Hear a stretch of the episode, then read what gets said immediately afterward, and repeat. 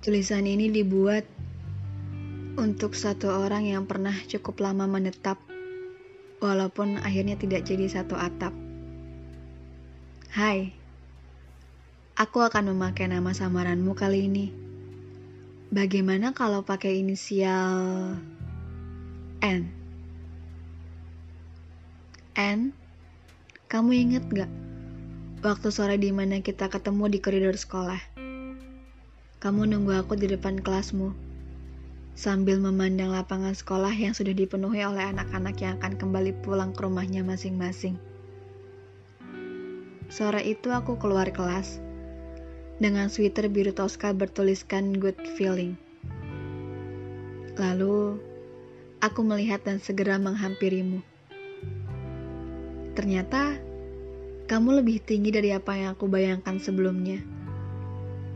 Lalu kamu perlahan menatapku, En. Kamu mau tahu nggak? Satu bentuk kejujuran yang belum pernah aku sampaikan ke kamu atau ke siapa pun. Iya, sore itu aku merasa jantungku seakan berhenti berdetak untuk sepersekian detik. Seperti ada kupu-kupu yang bermain dengan bebas di perutku. Udara sore yang sejuk berubah jadi menghangat membuatku bertanya pada diriku sendiri. Apa ini rasanya jatuh cinta? And bagaimana kegiatan work from home? Pasti menyebalkan bukan? Aku tahu work from home yang kamu impikan adalah bisa tidur larut malam untuk streaming film atau video dan bangun siang lalu lanjut makan tanpa memikirkan apa-apa.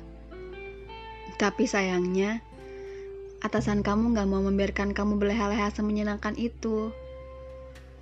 Iya, aku tahu kamu kelelahan. Kamu juga belum tidur sampai jam 1 pagi karena harus mengurus laporan yang diberikan audit. Kamu pasti akan marah besar kalau dengar aku bilang gini, tapi aku ingin berterima kasih kepada pihak audit di kantormu saat ini. Terima kasih karena telah membuat kamu bekerja keras malam itu.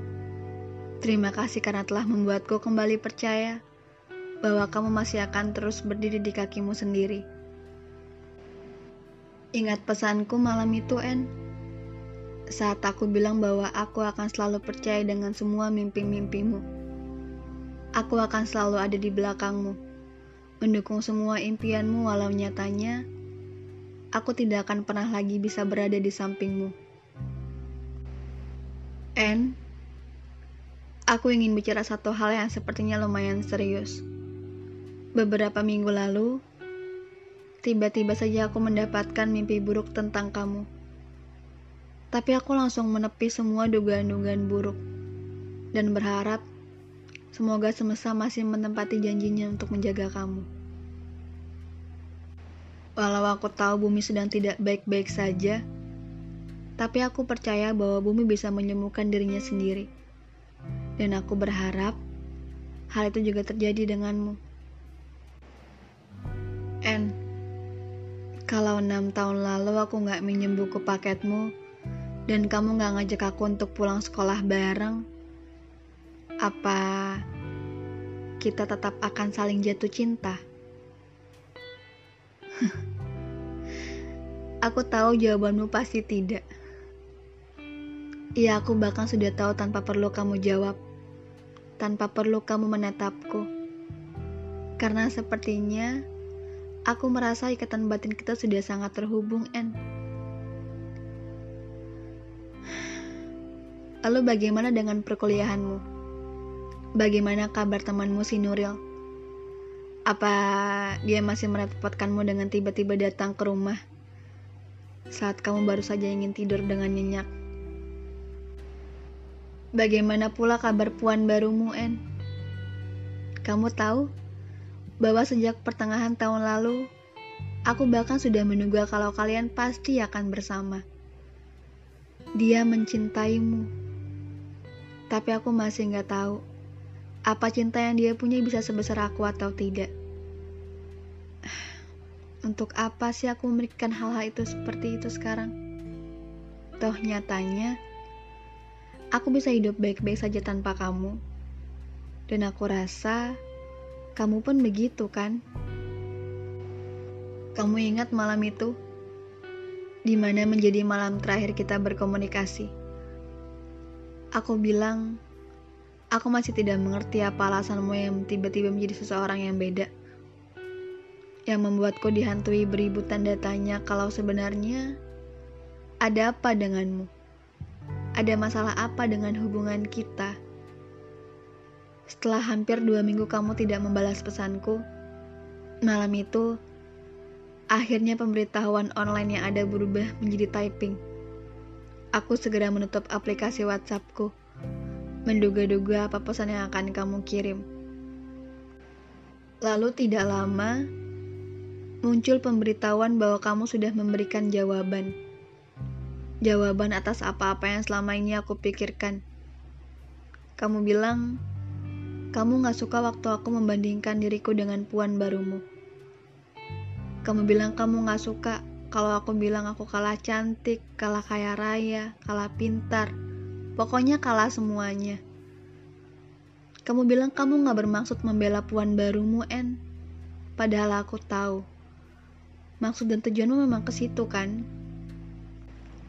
En, sejak malam itu, Akhirnya aku memutuskan untuk berhenti. Iya, beberapa temanku bilang mungkin berhenti yang aku maksud di sini adalah jeda. Mereka seolah yakin kalau aku dan kamu akan kembali menjadi kita yang utuh. And dulu aku juga selalu yakin dengan hal itu. Tapi nggak tahu kenapa, sekarang rasanya beda. Dulu aku selalu bilang kalau sejauh apa pun kamu pergi, sesempurna apa pun rumah baru yang kamu temui, kita akan tetap kembali ke titik di mana semuanya berawal. Sekarang aku sadar bahwa kata-kata itu sangat menjebakku. Aku sadar kalau aku gak bisa terus-terusan kayak gini. Enam tahun, Nen. Udah banyak banget hal yang kita laluin sama-sama. Udah cukup aku menganggapmu sebagai rumah walau aku juga gak yakin kalau kamu akan melakukan hal yang sama. And malam ini aku ingin bilang ke mereka kalau untuk kali ini kamu tidak meninggalkanku, tapi aku yang memilih pergi. Kenapa? Karena kalau aku masih terus di sini, kalau masih aku bertahan di sini, semuanya akan lebih menyakitkan Bukan hanya kamu yang terluka, tapi aku pun juga. Jadi, En, aku melepasmu dengan segenap perasaan yang masih tersisa. Jangan pernah kembali ke rumah itu lagi, karena bangunan yang semula kokoh itu sudah kuhancurkan oleh kata perpisahan. Jaga dirimu baik-baik, teruskan semua mimpi serta impianmu.